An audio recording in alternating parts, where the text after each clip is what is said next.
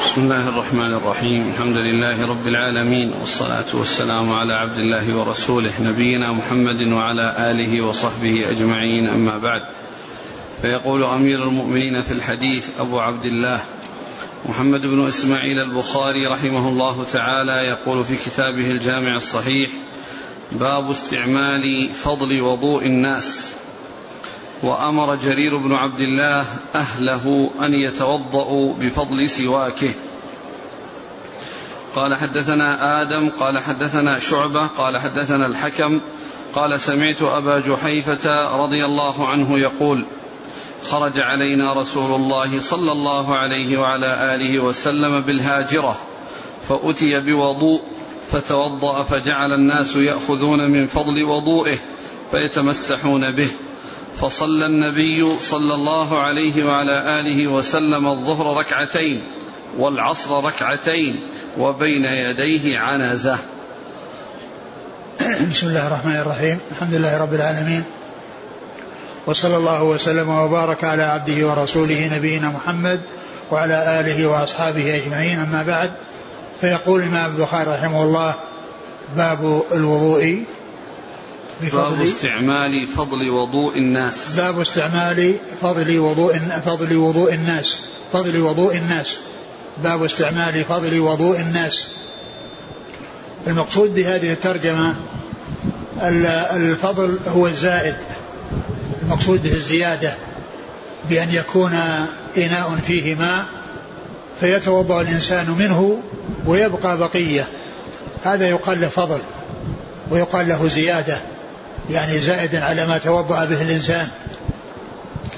ومثل هذا لا بأس به سائر لأن الذي بقي هو شيء لم يستعمل لم يتوضأ به وإنما توضئ منه توضئ منه.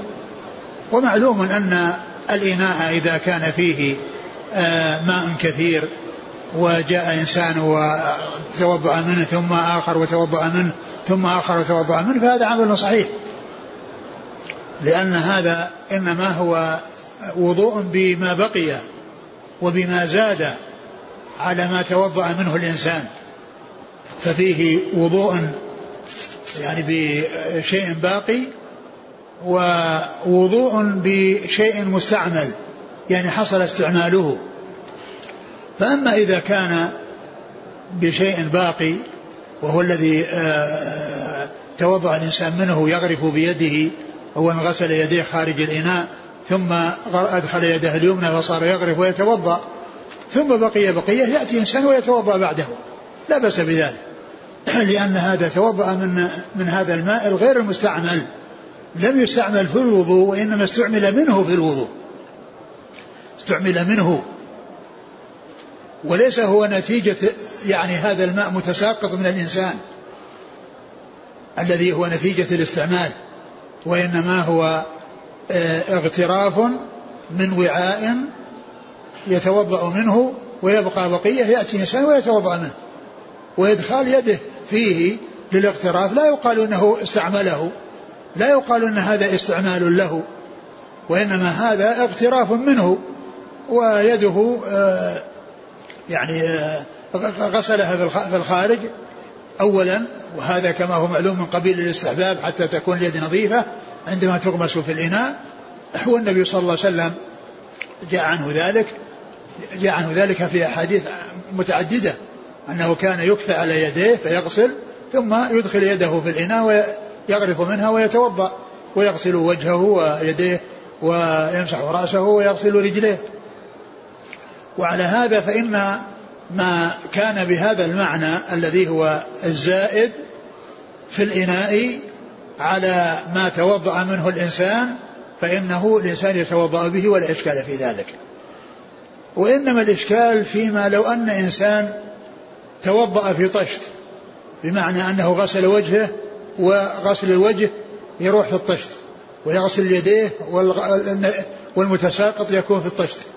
وهكذا الرجلين المتساقط بالشخص بالطشت هذا الإنسان هل يتوضأ الإنسان منه أو لا يتوضأ؟ هذا رفع به حدث.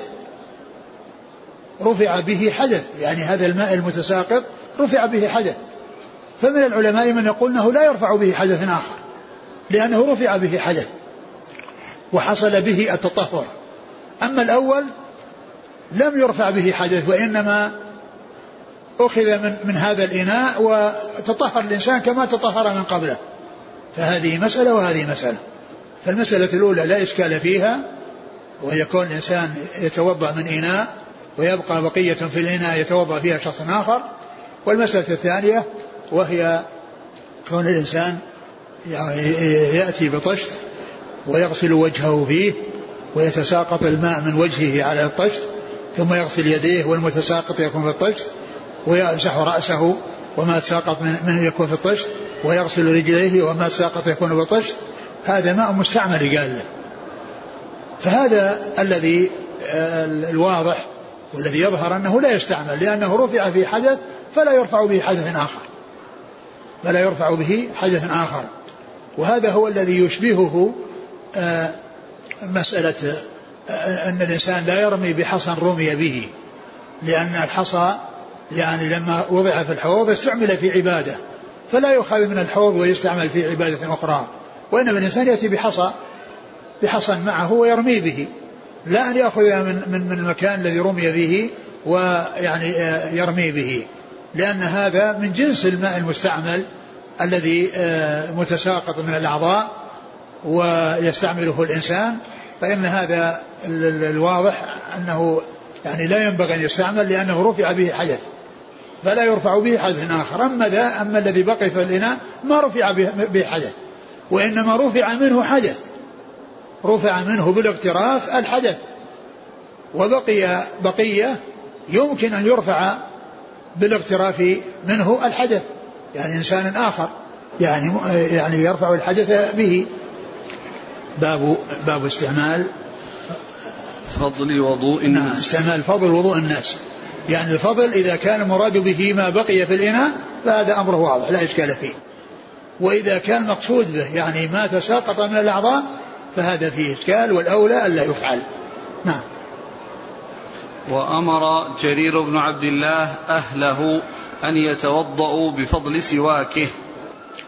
وأمر جرير بن عبد الله رضي الله تعالى عنه أهله أن يتوضأوا بفضل سواكه بفضل سواكه يعني آه، قيل أن المقصود من ذلك هو أنه يستاك ثم يضع آه، السواك بعد الاستياك طرفه الذي استاك فيه في الإناء. فيكون يعني ال يعني هذا ال هذا الماء يعني حصل استعماله في طهارة. استعماله في طهارة.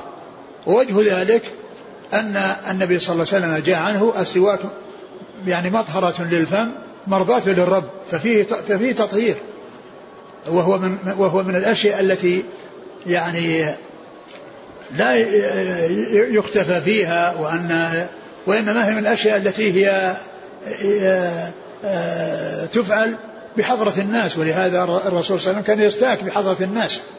يعني ليس من الأشياء التي يعني يستخفى فيها وأنه يعني ما يليق أنها تفعل أمام الناس بل يستاك الإنسان أمام الناس.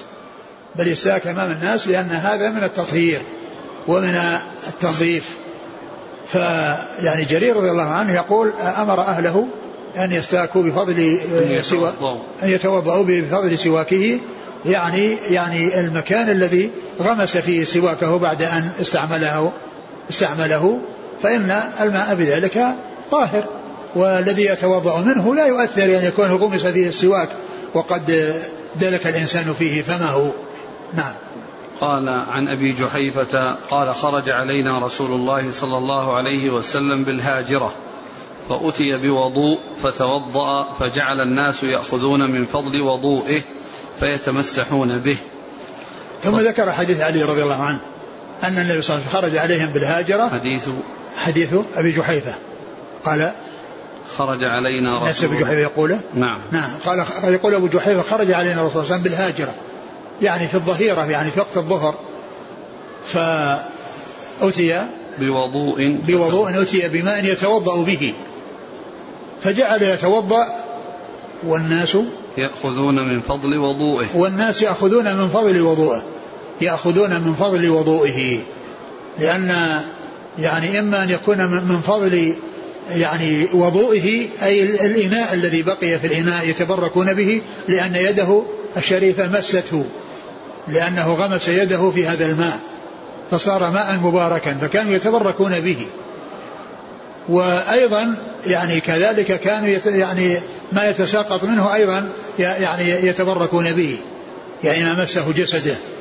فكانوا يستعملون يتبركون بعرقه ويتبركون بما علق بأعضائه من الوضوء ويتبركون بما بقي في الإناء الذي استعمله لأنه أدخل يده فيه. لأنه أدخل يده فيه. ومعلوم أن التبرك إنما هو من خصائص الرسول صلى الله عليه وسلم.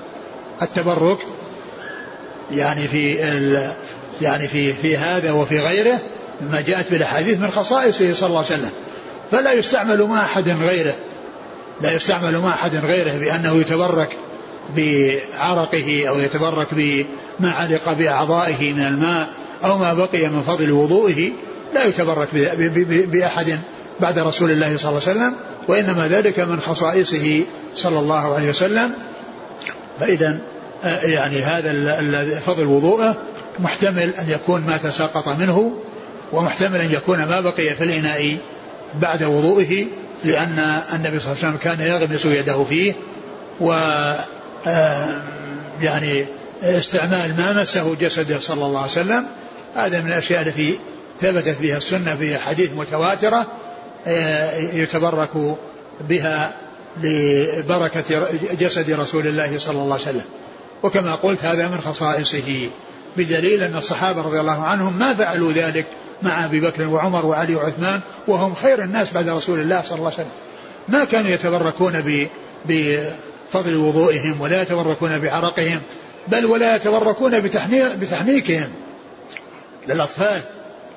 كان إذا ولد مولود يؤتى به إلى النبي صلى الله عليه وسلم ليحنكه بأن يمضغ تمرة حتى تلين وتذوب وتصير يعني سائلا فيصبه في فم الطفل الذي ولد ولم يدخل إلى بطنه شيء فيكون أول ما يدخل بطنه يعني هذه الحلوى من هذا التمر وبريق رسول الله صلى الله عليه وسلم. يعني كما كان الصحابة رضي الله عنهم يفعلون ومع ذلك ما كانوا يفعلون هذا مع أبي بكر. فلا يذهب إلى أحد غير الرسول صلى الله عليه وسلم من أجل أنه يحنط رجاء بركته. لأن التبرك إنما هو من خصائص الرسول صلى الله عليه وسلم. فجعلوا يتبركون. فجعل الناس يأخذون من فضل وضوئه نعم. فيتمسحون به.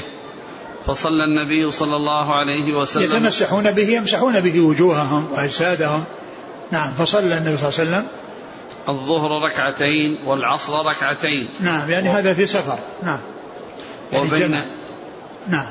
وبين يديه عنزة. وبين يديه عنزة التي هي عصا في رأسها حديدة. يعني آه، يعني لها حد. يعني إذا ضرب فيها في الأرض انغمست وغاصت الأرض فتقف وتصير واقفة. وقد سبق أن مر بنا النبي صلى الله عليه وسلم كان يحمل معه إذا يعني هذا معه يعني يعني إداوة من ماء وعنزة. فيتوضأ من الإداوة والعنزة. سبق أن مر أن الأوضح أنه كان يصلي بعد الوضوء فيعني تغرس العنزة في الأرض حتى تكون سترة له. وسبق أن مر أيضا لها معاني أخرى وهي أنها تكون علامة عليه عند عنده حتى من يمر من عنده يعرف أنه يقضي حاجة. وقيل أنها لتحرك بها الأرض الصلبة يعني التي يقع عليها البول فحتى تلين لأن إذا صار الصلبة يتطاير البول إذا ضرب بشيء يعني صلب ولكن إذا صارت الأرض رخوة فإنه ينتشر فيها ويدخل فيها ويختلط فيها. نعم.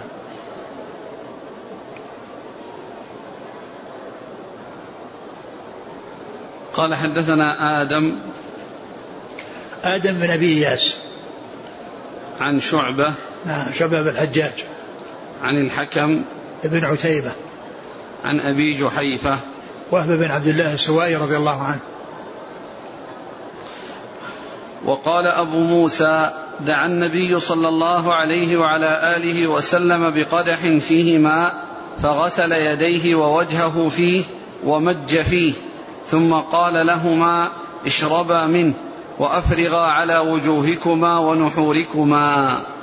ثم ذكر هذا هذا الحديث أو هذا الطرف أو المعلق من الحديث وقد أورده في مكان آخر والمقصود بالذي مع أبي موسى هو بلال هو بلال الذي كان مع أبي موسى.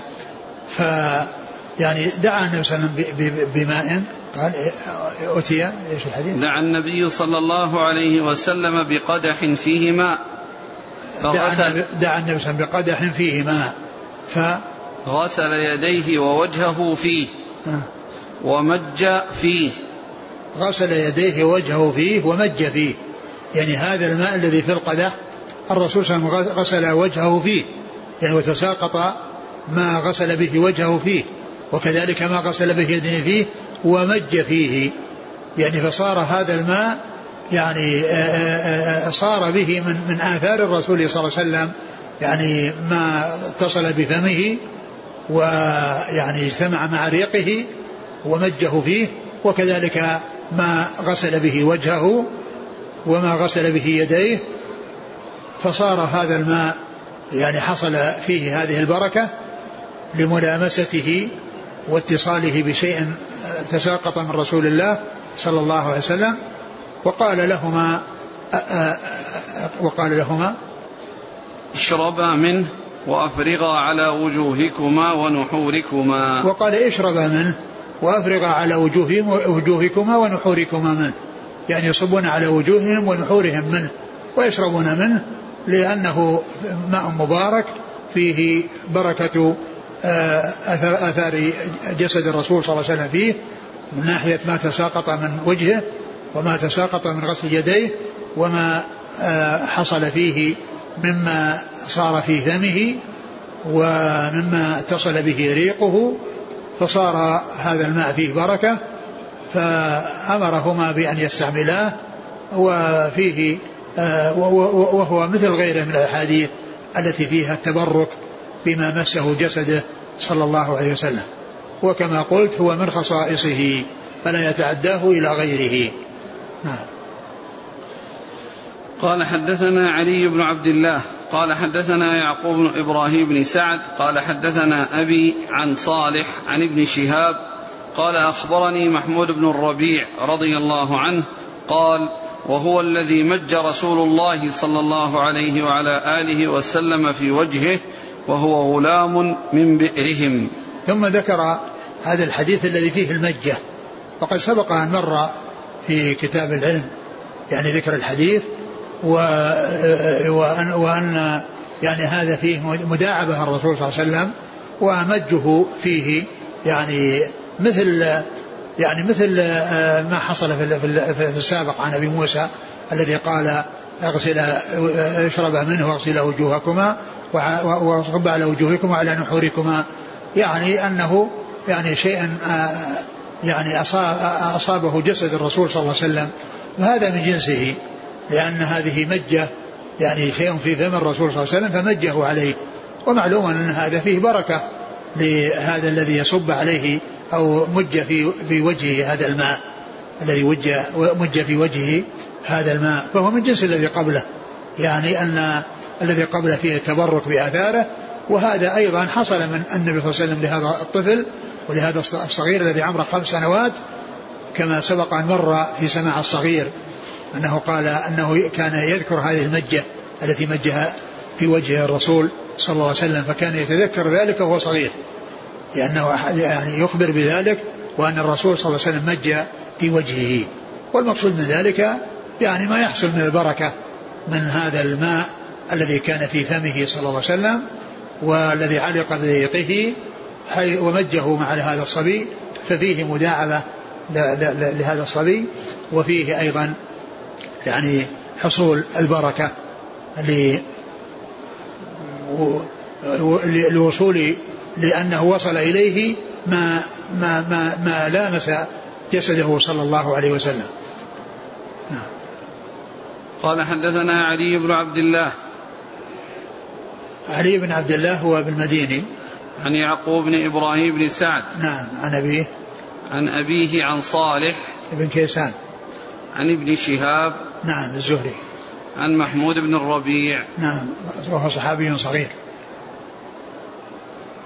كلهم مدنيون. نعم.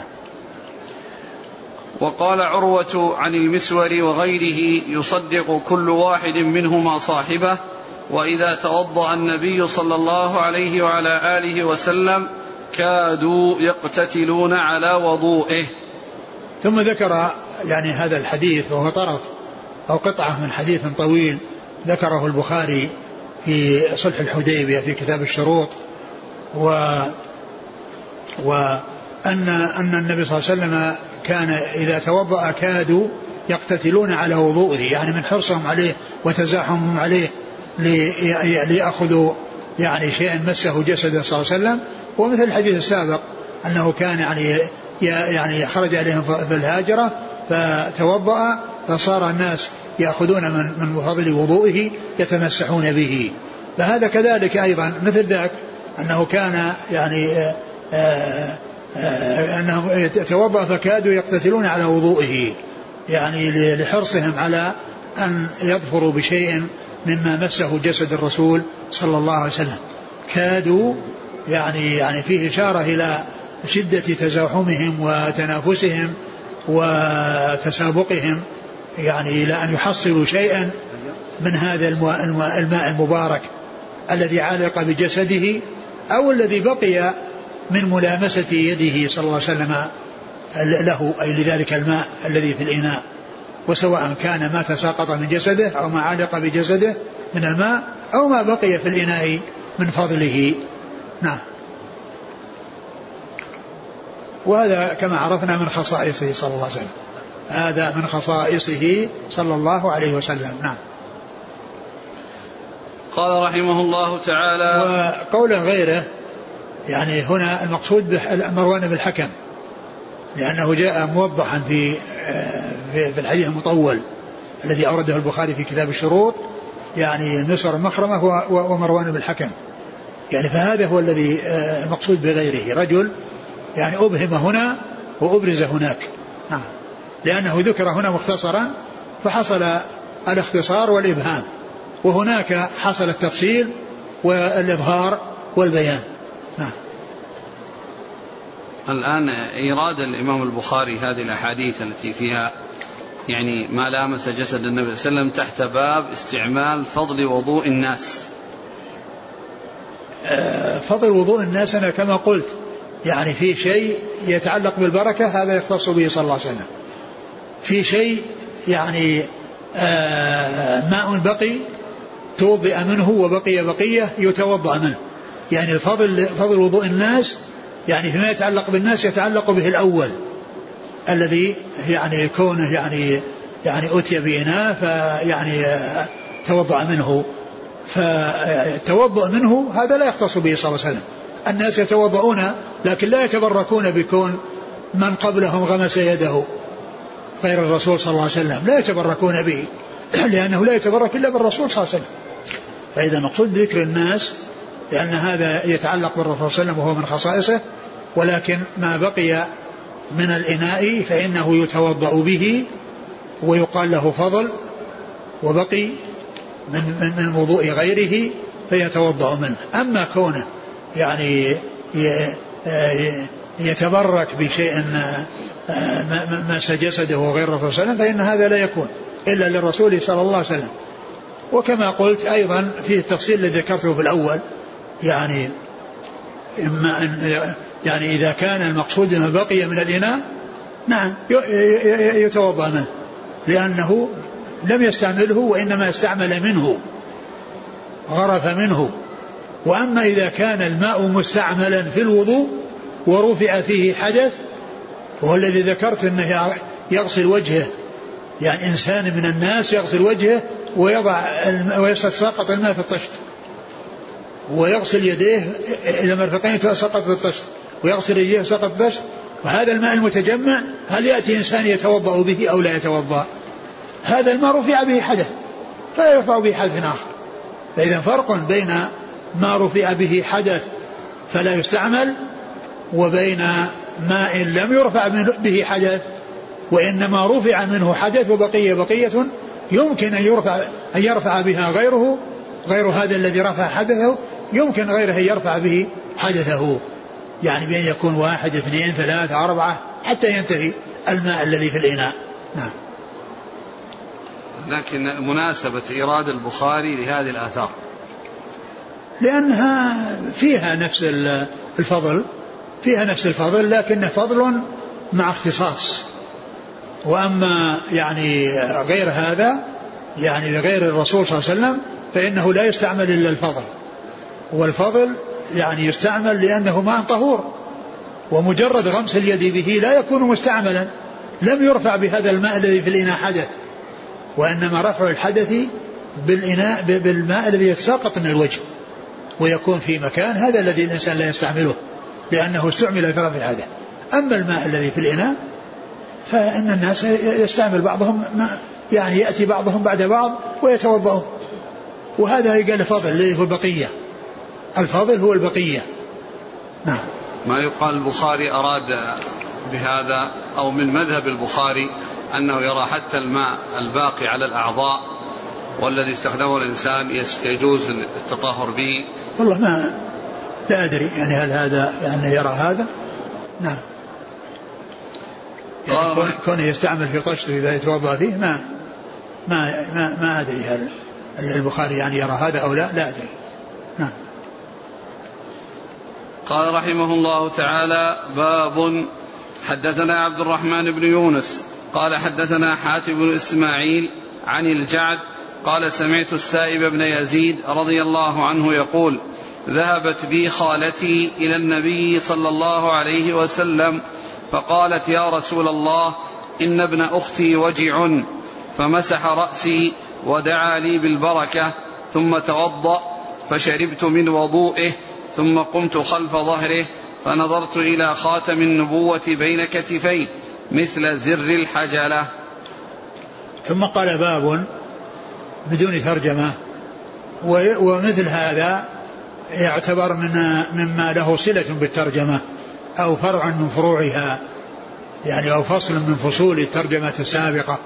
يعني معناها أن له تعلق بالباب الذي قبله وأنه بمثابة الفصل من الباب. كما يأتي بعض العلماء فيقول يعني باب كذا ثم يأتي تحته فصول فهي داخلة تحت هذا الباب إلا أنها ميزت يعني بفصل أو بباب يعني كما يعني كما هو صحيح البخاري حيث يأتي بالتراجم بدون آه، بعض التراجم يأتي بها بدون ترجمة وهي متصلة بالترجمة التي قبلها وهي بمثابة الفصل من الباب الذي قبله. ذكر في هذا الحديث عن السائب بن يزيد رضي الله عنه وكان من أصغر من صغار الصحابة وهو الذي آه، ثبت في الصحيح عنه أنه قال حج بي مع رسول الله صلى الله عليه وسلم وأنا ابن سبع سنين. حج بي يعني معناه في حجة الوداع عمره سبع سنين. في حجة الوداع عمره سبع سنين وقد حج به حج به أهله مع النبي صلى الله عليه وسلم وعمره سبع سنين فهو من صغار الصحابة. توفي الرسول صلى الله عليه وسلم وعمره سبع سنين أو ثمان سنين. مثل النعمان بن بشير الذي كان عمره عندما توفي النبي صلى الله عليه وسلم ثمان سنوات. ومع ذلك يعني يروون الأحاديث عن رسول الله صلى الله عليه وسلم ف ويصرحون بالسماع. وذلك أن الصغير إذا تحمل في حال صغره وأدى في حال كبره فإنه معتبر.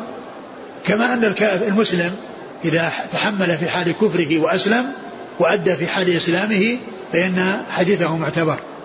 تحمل الكافر في حال كفره وتأديته في حال إسلامه هذا معتبر. وتحمل الصغير في حال صغره وتأديته في حال كبره هذا معتبر. السائب بن يزيد قال أنها ذهبت به قالته إلى النبي صلى الله عليه وسلم وقالت إنه وجع إنه وقع. والوقع هو داء في الرجلين. يعني داء في قيل انه داء في الرجلين. فالنبي صلى الله عليه وسلم مسح على رأسه قال إيش مسح؟ مسح رأسي ودعا لي بالبركة. مسح على رأسي ودعا لي بالبركة. وهذا يعني أيضا فيه التبرك بملامسة جد الرسول صلى الله عليه وسلم لأن كونه مسح ودعا يعني فجمع له بأن مسته يد مباركة ودعا له بالبركة. فحصلت البركة له من جهتين. من جهة أنه مسته يد مباركة وكان الصحابة يتبركون بما مسه جسده صلى الله عليه وسلم وأيضا دعا له بالبركة وأيضا دعا له بالبركة. ثم توضأ ثم توضأ. فشربت من وضوئه. ثم توضأ وشربت من وضوئه. فشربت من من من, من وضوئه إما أن يكون شرب من وضوئه الذي تساقط منه أو شرب من فضل وضوئه. وعلى كل أنه استعمل شيئا مسه جسده صلى الله عليه وسلم. إما مسه جسده وتساقط منه أو مسته يده الشريفة الإناء وبقي فيه بقية شرب منه. وكل ذلك داخل أو مشتمل مما يشمله التبرك بما مسه جسده الشريف صلوات الله وسلامه وبركاته عليه. نعم. ثم قمت خلف ظهره فنظرت إلى خاتم النبوة بين كتفيه مثل زر الحجلة. ثم يعني آه ثم ذهبت خلفه. ثم قمت خلف ظهره. ثم قمت خلف ظهره. يعني بعد ما حصل هذا الشيء لأنه صغير. يعني أتي به وهو صغير. فمسح برأسه ودعا له البركة وتوضأ وشرب وضوء ثم قام. وصار من ورائه صلى الله عليه وسلم. فصار رأى يعني خاتم النبوة وهو يعني شيء يعني في في ظهره صلى الله عليه وسلم يعني مقدار يعني مقدار يسير مثل آه، الأنملة أو مثل زر الحجلة. وزر الحجلة فسر بتفسيرين إما أن يقصد مقصود بالحجلة الحجال التي هي الخيام التي يعني يكون لها يعني آه، آه، روابط تربط بينها يعني يعني أروقتها مثل أروقتها أو أطرافها ويكون فيها أزرة أزرة يعني صغيرة يعني آه، تزر بها تلك الخيام وتلك الأجرعة أو فسر بأنها الحجلة الذي هو نوع من الطير وزرها يعني بيضها يعني أنه صغير يعني رآه بهذا الحجم أو بهذا المقدار. وهذا إخبار منه مثل إخبار آآ آه، آآ آه، آه، محمود بن ربيع عن المجة التي مجها. أنه يتذكر أنه مج يعني في هذه المجة وهذا يتذكر أنه رأى هذا الخاتم الذي هو خاتم النبوة في ظهره صلى الله عليه وسلم بهذا المقدار الذي هو زر الحجلة وسواء قيل أن المقصود به يعني ما يكون من الأزرة. التي تربط بها الخيام ويعني ولها عرى تدخل فيها الأزرار بحيث يعني يمسك أو أن المقصود به بيض صغير الذي هو الحجلة الذي هو نوع من الطير نعم. قال حدثنا عبد الرحمن بن يونس نعم. عن حاتم بن إسماعيل نعم. عن الجعد الجعد أو الجعيد وأكثر ما يأتي ذكر الجعيد هو الابن عبد الرحمن بن أوس. نعم. عن السائب بن يزيد. عن؟ عن السائب بن يزيد صاحب رسول الله صلى الله عليه وسلم ورضي الله عنه. نعم. قال رحمه الله تعالى باب وهذا وهذا كما قلت من الشيء الذي يتحمل في الصغر ويؤدى في حال الكبر يتحمل في حال الصغر ويؤدى في حال الكبر لأن هذا توفي وعمره سبع سنين أو ثمان سنين توفي رسول الله صلى الله عليه وسلم لأن في حجة الوداع في السنة آه، العاشرة والرسول عاش بعدها مقدار يعني ثمانين يعني يوم وتوفي عليه الصلاة والسلام فإنه يعني يعني عمره سبع سنوات. وهو مثل النعمان بشير الذي قلت أنه توفي رسول الله صلى الله عليه وسلم وعمره ثمان سنوات وأنهم يتحملون بل إن النعمان بن بشير صرح بالسماع لحديث الحلال بين والحرام بين مشهور. قال سمعت رسول الله صلى الله عليه وسلم يقول الحلال بين والحرام بين. فسماع الصغير وتحمله في حال صغره وأداؤه في حال كبره معتبر كما أن سماع الكافر في حال كفره وتأديته في حال إسلامه معتبر. نعم. قال رحمه الله تعالى باب من مضمض واستنشق من غرفة واحدة.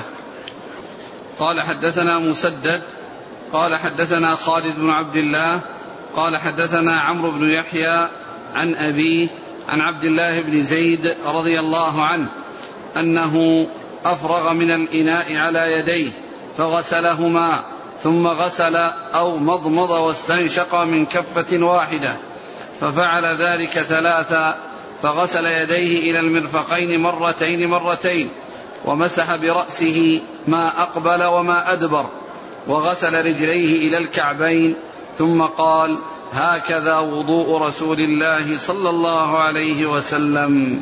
ثم ذكر باب المضمضة باب المضمضة والاستنشاق باب من مضمض واستنشق من غرفة واحدة. باب من مضمض واستنشق من غرفة واحدة.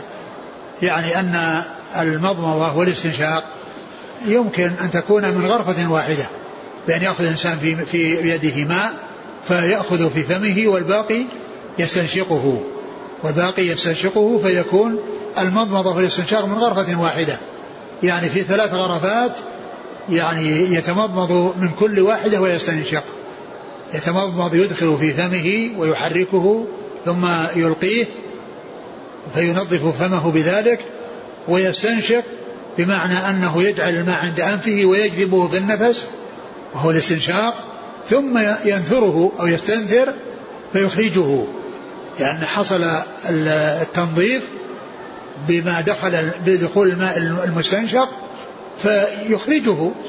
يعني يخرج هذا الماء الذي توسخ وحصل الوسخ من داخل الفم يعني يخرجه. ففيه أحيانا يأتي ذكر المضمضة يأتي ذكر الاستنشاق دون الاستنثار وأحيانا يأتي ذكر الاستنثار دون الاستنشاق وأحيانا يأتي الجمع بينهما و وهنا حصل الجمع بينهما وأنه يكون من غرفة واحدة وأنه يكون ثلاث مرات وكل غرفة يتمضمض منها ويستنشق. يأخذ بعض ما في كفه في فمه ويحركه في فمه ويخرجه ثم يعني يجعل الباقي عند أنفه فيجذبه في النفس الذي هو الاستنشاق. يجذبه إلى الداخل ثم الاستنثار يخرجه. فيكون الماء دخل نظيفا وعلقه شيء من مما في داخل الأنف فخرج فصار الأنف نظيفا. ومن فوائده كما عرفنا فيما مضى أن فيه يعني نظافة الفم من الأنف وفيه أيضا آه، ظهور الصوت في القراءة. لأن الإنسان إذا كان في أنفه شيء فيه سدد من هذا التي تكون فيه فإن ذلك يظهر في قراءته. فلا تظهر القراءة كما ينبغي. يعني يحصل فيه شيء من من عدم ظهور الحروف أو بعض الحروف. ولهذا الاستنشاق والاستنثار يعني فيه يعني هذه الفوائد. نعم. الحديث الحديث ثم ذكر حديث عبد الله بن زيد رضي الله عنه الذي فيه أنه أوتي أنه أوتي بماء و يعني أفرغ على يديه ومضمض واستنشق. ثم ذكر غسل يديه ولم يذكر غسل الوجه. وهذا ذكره اختصارا. يعني جاء على سبيل الاختصار. وإلا إنه جاء في بعض الأحاديث. ومنها الحديث الذي سيأتي. فإنه ذكر التفصيل وذكر غسل الوجه.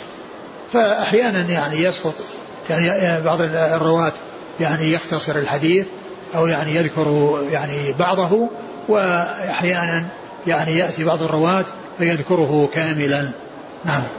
ضمض واستنشق ثم غسل يديه مرتين. المرفقين؟ نعم. نعم. ومسح برأسه ما أقبل وما أدبر وغسل رجليه إلى الكعبين ثم نعم. قال هكذا وضوء رسول الله صلى الله عليه وسلم. نعم. قال حدثنا مسدد. نعم. قال حدثنا خالد بن عبد الله. هو الطحان. نعم. عن عمرو بن يحيى. المازني. نعم. عن أبيه. نعم. يحيى بن عمارة. عن عبد الله بن زيد. نعم. قال رحمه الله تعالى باب مسح الرأس مرة. قال حدثنا سليمان بن حرب قال حدثنا وهيب قال حدثنا عمرو بن يحيى عن أبيه قال شهدت عمرو بن أبي حسن سأل عبد الله بن زيد رضي الله عنه عن وضوء النبي صلى الله عليه وسلم فدعا بتور من ماء فتوضأ لهم فكفى على يديه فغسلهما ثلاثا. ثم أدخل يده في الإناء فمضمض واستنشق واستنثر ثلاثا بثلاث غرفات من ماء. ثم أدخل يده في الإناء فغسل وجهه ثلاثا. ثم أدخل يده في الإناء فغسل يديه إلى المرفقين مرتين مرتين.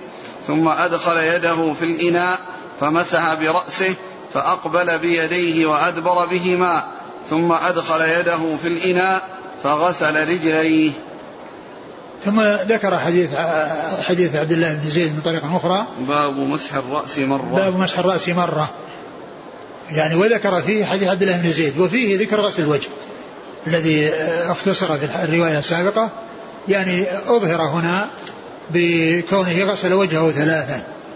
يعني فمعناه أنه أفرغ على يديه وتمضمض واستنشق من ثلاث ثلاثا بثلاث غرفات. وكذلك غسل وجهه ثلاثا وغسل يديه المرفقين مرتين مرتين ومسح برأسه أقبل وأدبر. وعرفنا أن أقبل وأدبر يعني فسرته بعض الروايات السابقة يعني قال أقبل وأدبر بدأ بمقدم رأسه حتى وصل إلى قفاه ثم عاده إلى المكان الذي بدأ منه. عاده إلى المكان الذي بدأ منه فإذا أقبل يعني بدأ بالشيء المقدم الذي يقابل الإنسان. وأدبر يعني آه، وصل إلى الشيء المؤخر الذي هو مؤخر الرأس. وهذه صفة المسح. يبدأ بمقدم رأسه حتى ينتهي إلى قفاه ثم يردهما إلى المكان الذي بدأ منه. فأقبل ليس معنى ذلك أنه أقبل من من خلف ظهر رأسه. يعني جعل يده في خلف رأسه ثم أقبل ثم أدبر. وإنما أقبل كما فسرته الرواية السابقة بدأ بمقدم يعني جاء أقبل وأدبر بدأ بمقدم رأسه. حتى وصل إلى القاه ثم رجع إلى المكان الذي بدأ منه. في بعض الروايات تأتي أقبل وأدبر دون أن يعني يأتي توضيحها لكنه جاء موضحا في الأحاديث الأخرى. وكما قلت أيضا أن كلمة أقبل يعني معناها أنها ليس معنى أنه جاء من الخلف مقبلا. وإنما فعل الشيء الذي هو مقدم الذي يقابل الإنسان. ثم صار إلى المؤخر. وكما قلت هو من جنس ما يقولون أنجد أو أتهم. إذا مشى في نجد يقال أنجد وإذا مشى في تهامة يقال أتهم. نعم قال حدثنا سليمان بن حرب. نعم. عن وهيب بن خالد. عن عمرو بن يحيى عن أبيه عن عبد الله بن زيد. نعم. وحدث قال وحدثنا موسى قال حدثنا وهيب قال مسح رأسه مرة. يعني هناك ما ذكر مرة في الأول؟ لا. نعم. يعني ذكر هذا لأن هذا الذي يطابق الترجمة. قال ومسح رأسه مرة. مسح رأسه مرة. يعني فهذا هو الذي قال مسح الرأس مرة واحدة. نعم. يعني ذكر هذا الطريق الثاني ولفظه فيه أنه في الرأس قال مرة. نعم. قال حدثنا موسى موسى بن إسماعيل التبوذكي. عن وهيب. نعم. يقول أحسن الله إليكم من راجح في زيادة عثمان رضي الله عنه في تثليث مسح الرأس؟ هذه الذي يبدو أنها شاذة لأن كل الروايات التي جاءت يعني ما ذكرت التثليث وثم أيضا من حيث المعنى أن مسح ثلاث مرات يصير بمعنى الغسل وهو من الممسوحات لا من المغسولات. وممسوح لا مغسول. والتكرار يعني يجعله بمعنى المغسول. والروايات التي جاءت الكثيرة كلها يعني بالمرة. والرواية التي فيها ذكر الثلاث تكون شاذة. نعم. من مسح رأسه بغير هذه الطريقة. يعني يصح إذا كان أعممه في الغسل المسح. إذا إذا أعممه في المسح فإنه يصح لكن الأولى والذي ينبغي له أن يفعل كما جاءت به السنة عن رسول الله صلى الله عليه وسلم. لكن لو أن إنسانا توضأ ومسح رأسه يعني بدأ بآخره وأخذ بأوله ثم رجع لا يقال أن وضوء غير صحيح وأنه باطل وإنما وضوء صحيح لكنه خلاف خلاف المستحب والذي جاءت به السنة عن رسول الله صلى الله عليه وسلم. هذا يقول ما حكم من أقبل في المسح ولم يدبر. يعني إذا كان ما وصل إذا كان المقصود أنه أقبل يعني مسح المقدم فقط مسح المقدم فقط ولم يدبر ما مسح الآخر فهذا يعني آآ آآ مخالف لما ثبت من أن المسح لجميع الرأس.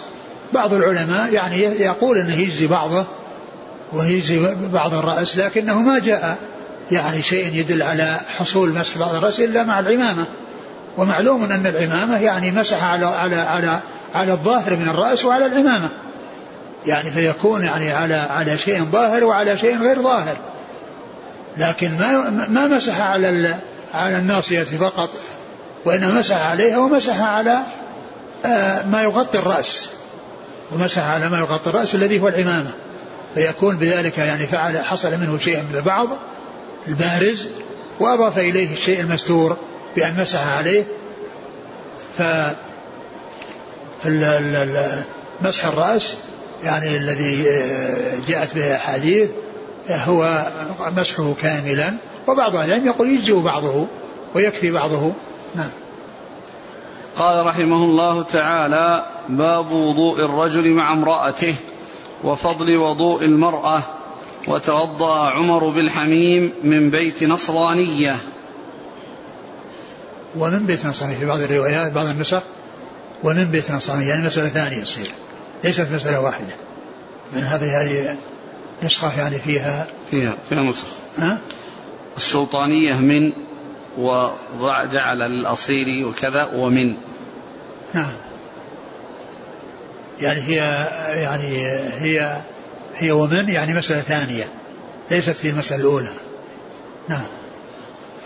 وتوضأ؟ وتوضأ عمر بالحميم من بيت نصرانية. باب إيش؟ باب وضوء الرجل مع امرأته وفضل وضوء المرأة. باب وضوء الرجل مع امرأته يعني كونه يتوضأ معها يغترفان من إناء يغترفان من إناء هي تغرف وهو يغرف. يعني يدخل يده وتدخل يدها. يعني آه، آه، إناء فيه ماء فهو يدخل يده ويتوضأ وهي تدخل يده وتتوضأ. هذا صحيح.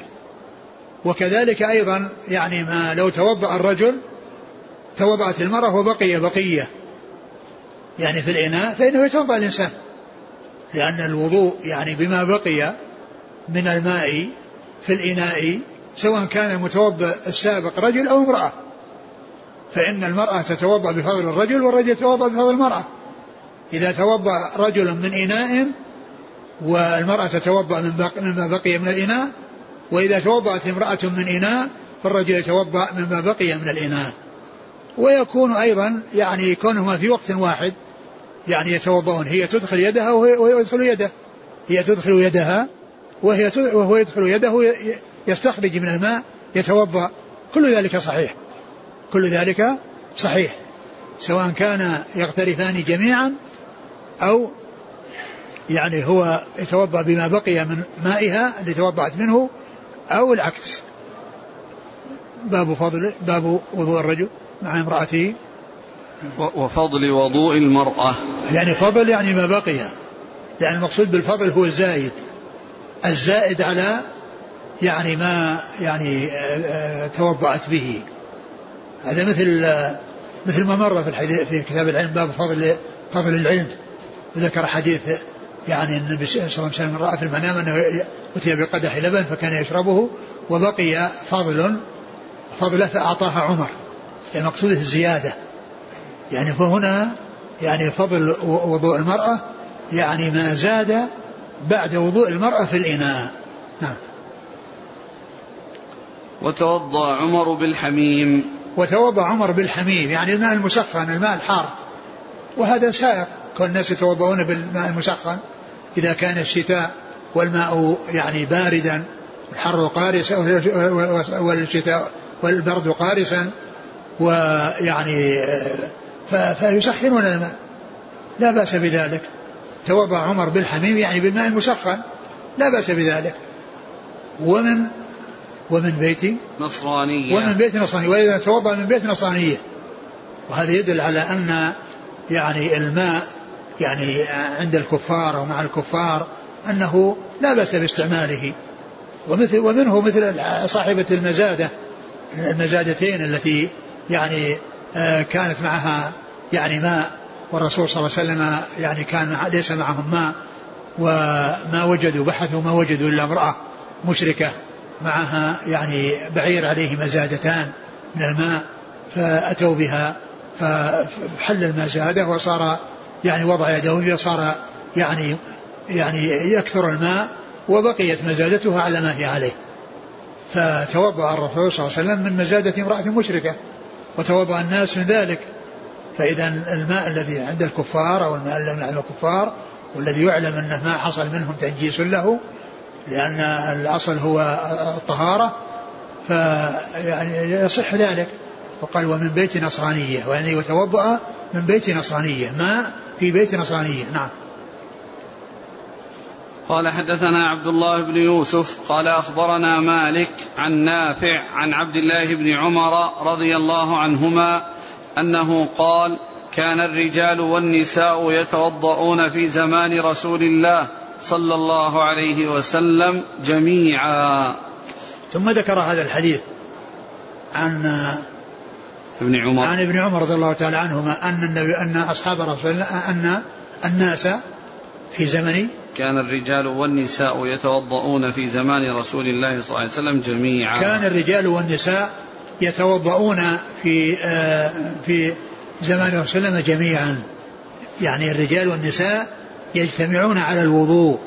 ففسر يعني هذا بأن المقصود أن الرجال على حدة والنساء على حدة وأن الرجال يعني على حدة والنساء على حدة أو أنه يعني يتوضأ الرجال ثم تأتي النساء. وفسر كما قال الحافظ بن حجر أنه محمول على أن هذا كان قبل قبل الحجاب وقبل فرض الحجاب على النساء وأنه بعد ذلك صار لا يتوضأ أحد مع أحد إلا إذا كانوا من المحارم. الرجال والنساء إذا كانوا من المحارم. يتوضأ بعضهم مع بعض. مثل ما آه الذي كان الذي فيه الترجمة يعني يعني يتوضأ يغترف يغترف الرجل مع امرأته هو هي تغترف هو يتوضأ معها. يتوضأ الإنسان مع محارمه. قال الحافظ بن حجر أن في معناه أو أن في معناه أنه كان هذا قبل الحجاب. وبعد الحجاب فإن ذلك لا يصح إلا من من الرجال مع محارمهم. الرجال مع من يكون محارم لهم. وليس في هذا دليل على من ابتلي بالدعوة إلى الاختلاط اختلاط الرجال بالنساء وأن هذا كونهم يتوضؤون. يعني كما استدل به بعض المفتونين يعني الذين فتنوا وابتلوا بتحبيذ الاختلاط بين الرجال والنساء والتقاء الرجال بالنساء. وأن يكون حالهم مثل الرجال يعني إلا أنه لا يكون هناك خلوة بين رجل وامرأة. يعني قال الحافظ في شرحه أن هذا إنما كان ما كان قبل الحجاب وأنه بعد ذلك لا يصح إلا مع المحارم كما في توضؤ الرجل مع امرأته تغترف وهو يغترف قال حدثنا عبد الله بن يوسف. هو التنيسي. نعم. عن, عن مالك نعم. عن نافع نعم. عن عبد الله بن عمر رضي الله تعالى عنهما وهذا رباعي من الأسانيد الرباعية وهو رجاله مدنيون إذا خلا أحد الرجلين الزوجين بالماء ثم جاء الآخر يتوضأ به أو يغتسل الذي يبدو أنه لا بأس به لا مانع منه سواء كان توضأ يعني هو, هو الرجل المرأة على حدة ثم جاء الرجل وبقي ماء توضأت به المرأة وقد خلت به فإنه يتوضأ منه الإنسان. يعني جاء في بعض يعني هذا لو حمل على على على على التنزيه وعلى وإلا فإن الأصل هو الجواز والأصل هو الطهارة. كلمة من بيت نصرانية هو من بيت نصرانية. ها؟ توضأ عمر بالحميم ومن بيت نصرانية. الواو مسألة ثانية. لو كانت وتوضأ. من لو كانت من بدون واو لعلها أقرب. إيش؟ لو كانت بدون واو لعلها أقرب لأن الكلام على الوضوء الرجل مع امرأته. هل يتوضأ الرجل مع امرأة؟ فإذا كانت أجنبية هل يتوضأ من مائها؟ نعم حتى لو كانت أجنبية يعني كونه يعني ماء أعطته ماء يتوضأ من مائها يعني آه فلذلك جاء وتوضأ عمر بالحميم من بيت نصرانية. لا بس هو هو جاء في بعض النسخ بدون جاء كذا وجاء كذا نعم. جاء كذا وجاء كذا. لكن الأقرب إلى ما أراده البخاري. لأنه إذا قلنا وتوضأ عمر بالحميم تصير مسألة ثانية. وش علاقتها في موضوع لا. باب وضوء الرجل مع امرأته؟ نعم يعني وين بيت نصرانية يعني يصير يعني ليس بلازم أن يكون الوضوء أنها يعني آه، أنها توضأ بالحميم أنها مسألة واحدة. يمكن على اعتبار أن في واو لكن كون في واو هذه مسألة وهذه مسألة. فالإنسان يتوضأ بالحميم وهذه مسألة مستقلة ولا دخل لها في الترجمة.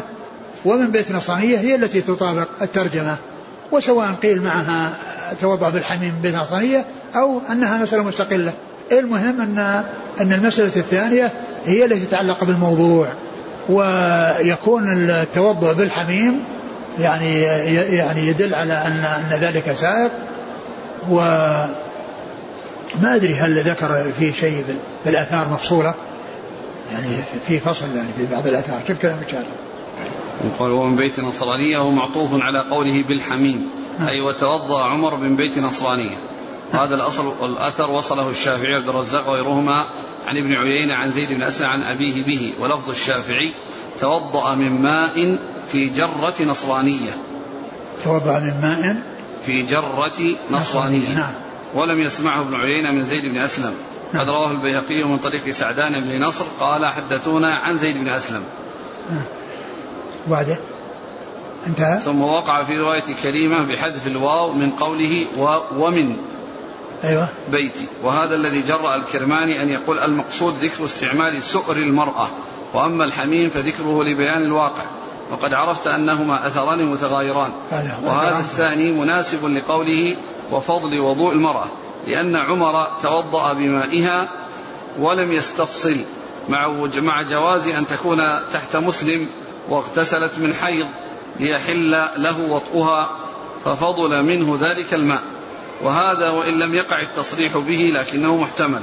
وجرت عادة البخاري بالتمسك بمثل ذلك عند عدم الاستفصال. وإن كان غيره لا يستدل بذلك ففيه دليل على جواز التطهر بفضل وضوء المرأة المسلمة لأنها لا تكون أسوأ حالا من النصرانية. وفيه دليل على جواز استعمال مياه أهل الكتاب من غير استفصال. وقال الشافعي في الأم لا بأس بالوضوء من ماء المشرك وبفضل وضوئه ما لم تعلم فيه النجاسة. وقال ابن المنذر انفرد إبراهيم النخعي بكراهة فضل المرأة إذا كانت جنوبا. نعم. يعني هنا قال إنها أثران يعني, يعني رد الكرماني وقال إنهما أثران. نعم. قال رحمه الله تعالى باب صب النبي صلى الله عليه وسلم وضوءه على المغمى عليه. قال حدثنا أبو الوليد قال حدثنا شعبة عن محمد بن المنكدر قال سمعت جابرا رضي الله عنه يقول جاء رسول الله صلى الله عليه وسلم يعودني وأنا مريض لا أعقل. فتوضأ وصب علي من وضوئه فعقلت فقلت يا رسول الله لمن الميراث؟ إنما والله تعالى أعلم وصلى الله وسلم وبارك على عبده ورسوله نبينا محمد وعلى آله وأصحابه أجمعين. جزاكم الله خيرا وبارك الله فيكم ألهمكم الله الصواب ووفقكم للحق ونفعنا الله بما سمعنا وغفر الله لنا ولكم وللمسلمين أجمعين. آمين آخر شيء قريناه في كلام الحافظ بن حجر. قال وقال الشافعي في الأم لا بأس بالوضوء من ماء المشرك وبفضل وضوئه ما لم تعلم فيه نجاسة. مستقيم؟ مشرك. ذكر الوضوء غير مستقيم لكنه مثل لعله مثل ما قال أنها يعني أنها اللي قال أنها تحت مسلم وأنها تغتسل من من حيض اللي يجامعها لا هذا كلام منفصل آخر. وقال الشافعي في الأم لا بأس بالوضوء من ماء المشرك وبفضل وضوئه ما لم تعلم فيه نجاسة. الوضوء غير واضح يعني المشرك يعني يعني لا يتوضأ لا, لا, لا يتوضأ ولا يصح منه وضوء ولا صلاة. إلا إذا شهد لا إله إلا الله وأن محمد رسول الله. ما أدري العبارة هذه. قال في الأم؟ أي نعم. في الأم؟ وقال الشافعي في الأم. ما أدري لو يعني يرجع للأصل يعني هل فيه هل فيه شيء؟ لأن ذكر الوضوء يعني غير واضح. يقول هل لنا أن نسأل عن دليل هذه القاعدة؟ أن المستعمل في العبادة لا يستعمل فيها مرة أخرى. والله ما أعلم نص في هذا لكن لأن المسألة رفع حدث والشيء الذي رفع فيه الحدث يعني من حيث المعنى لا يرفع به حدث آخر. يقول هل النساء في مسح الرأس كذلك يقبلن ويدبرن أم يكفي فقط الذهاب إلى القفا؟ لا كلها مثل الرجال. لكن كما ذكرنا سابقا يعني إلى مؤخر الرأس دون ما استرسل من الشعر فإنه لا يمسح على الشعر الذي نزل عن مؤخر الرأس وإنما ينتهى إلى مؤخر الرأس يعني وما جاء وراءه من الشعر زيادة على هذا المقدار فإنه لا يمسح. ويفعل كما يفعل كما يفعل الرجال الأصل هو أن يفعل النساء كما يفعل الرجال إلا بدليل. هل يجوز الفرق بين الاستنشاق والمضمضة لكل واحد في غرفة مستقلة؟ يعني يبدو أنه لا بأس بذلك. لا بأس بذلك. يقول ما السبب في جعل أهل العلم الزيادة في عدد المرات في الوضوء لا ترجع عليه بالبطلان؟ بينما حكموا على من زاد في عدد الركعات بالبطلان. إيش؟ لما ما السبب في عدم جعل الزيادة في تكرار الوضوء للعضو الواحد. أكثر من ثلاثة لا تعود عليه بالبطلان. بينما الزيادة في عدد الركعات في الصلاة تعود بالبطلان وكلاهما عبادة مبناها على التوقيف. طبعا بينهما فرق. صلاة يعني محددة بأربع ركعات ويعني والزيادة عليها يعني تبطلها لأنه يعني لأن لأن هذا المقدار ليس له أساس. وأما هذا من ناحية التنظيف ومن ناحية التطهير بل بعض أهل العلم يعني جاء عنه أنه فعل ذلك يعني بالنسبة للزيادة. فإنه جاء عن ابن عمر ذكر الحافظ أنه غسل رجله يعني سبع مرات أو خمس مرات ولذلك لأنه يمكن فيها شيء يحتاج إلى أن يزيله. فطبعا بينهما فرق. أقول بينهما فرق يعني لا يقال أن الإنسان يعني لو أنه آه، زاد يعني حصل من زيادة أنها تبطل. مثل ما لو أن إنسانا يعني أيضا كرر المسح لا يقال أنه يبطل. يقول من هي خالة السائب بن يزيد؟ لا أدري. هل خاتم النبوة خاص بالنبي صلى الله عليه وسلم أو موجود في كل الأنبياء؟ لا أدري. يقول أحسن الله إليكم هناك قناة إخبارية عربية غير إسلامية. يرى المتابعون لها أنها تبث وتنشر أخبارا عن أحوال المسلمين تنفرد بها عن غيرها من القنوات حيث إنها تبث الحدث على حقيقته وبكامله إلا أن من سيئاتها ظهور نساء مذيعات وبث الموسيقى ولها بعض التوجهات السيئة. فهل يجوز متابعة هذه القناة لمن يتابع أحوال المسلمين؟ كونه يعني ينظر إلى النساء. وكونه يسمع الموسيقى هذا لا يكون في أي من أي جهة من الجهات. وإذا أمكنه أن يستفيد يعني من من غير هذه القناة ويحصل مطلوبه منها لا شك أن هذا هو, هو الذي ينبغي. جزاكم الله خيرا. سبحانك اللهم وبحمدك أشهد أن لا إله إلا أنت أستغفرك